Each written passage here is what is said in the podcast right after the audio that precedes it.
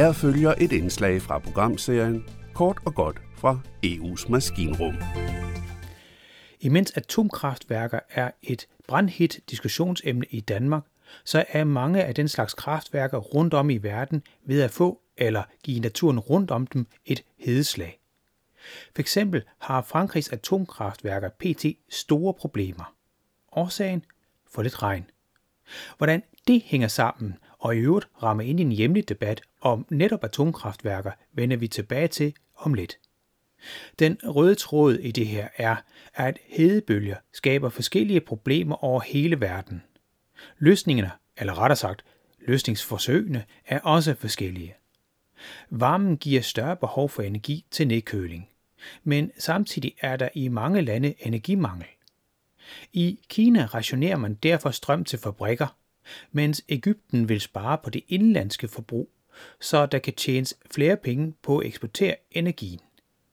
I Spanien har det varme vejr gjort, at der blev brugt store mængder energi på ventilation og klimaanlæg.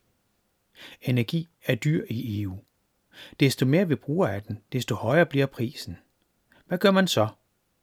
Jo, den spanske premierminister opfordrer for et par uger siden borgerne til at smige slipset for at spare på energi til nedkøling. Det skriver mediet Global Nyt. I Kina bliver der taget lidt mere drastiske metoder i brug.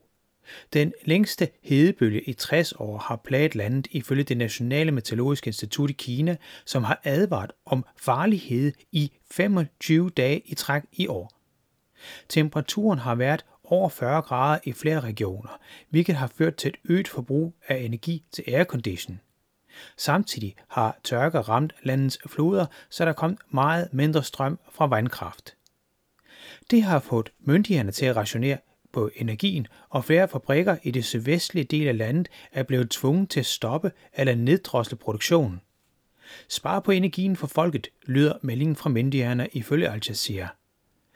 Dertil kommer, at flere steder mangler kineserne drikkevand. Netop vand eller mangel på samme er også årsagen til, at Frankrig har fået problemer med deres atomkraftværker.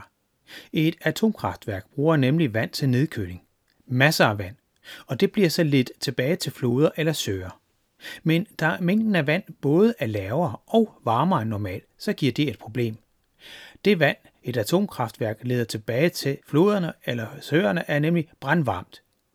Det kan være skadeligt for livet i floderne og søerne. På godt dansk bliver både fisk og vegetation kogt, når kraftværkernes vand bliver lidt tilbage. Det er som udgangspunkt naturligvis ikke lovligt at skade miljøet med skoldhede kølevand. Men hvad kan den franske regering gøre, når hele 75 procent af hele energiforbruget kommer fra netop atomkraftværkerne? Ja, slikke på reglerne, og ellers leve med, at vandmiljøer, der i bogstaveligste forstand har fået kogt livet væk. I Norge har man altså ikke atomkraftværk, men har især satset på vandkraft. Men her mangler floderne også vand, og det har blandt andet fået staten til at skrue ned for vandforbruget. For eksempel er springvand i det centrale Oslo tørlagt nu. En del indbyggere i vores naboland er utilfredse med, at Norge på grund af samarbejdsaftaler med andre lande alligevel eksporterer strøm ud af landet. Det har nemlig fået priserne på strøm til at eksplodere. Ligesom herhjemme, om end den norske strømpris stadig er lavere end den danske.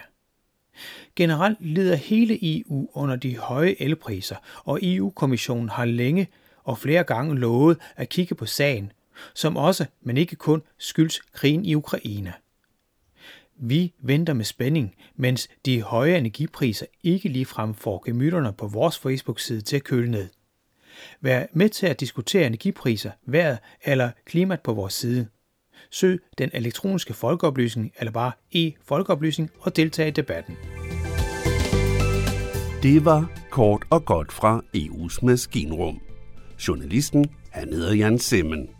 Det er Radio MB, der har produceret indslaget, der er støttet af Europanævnet.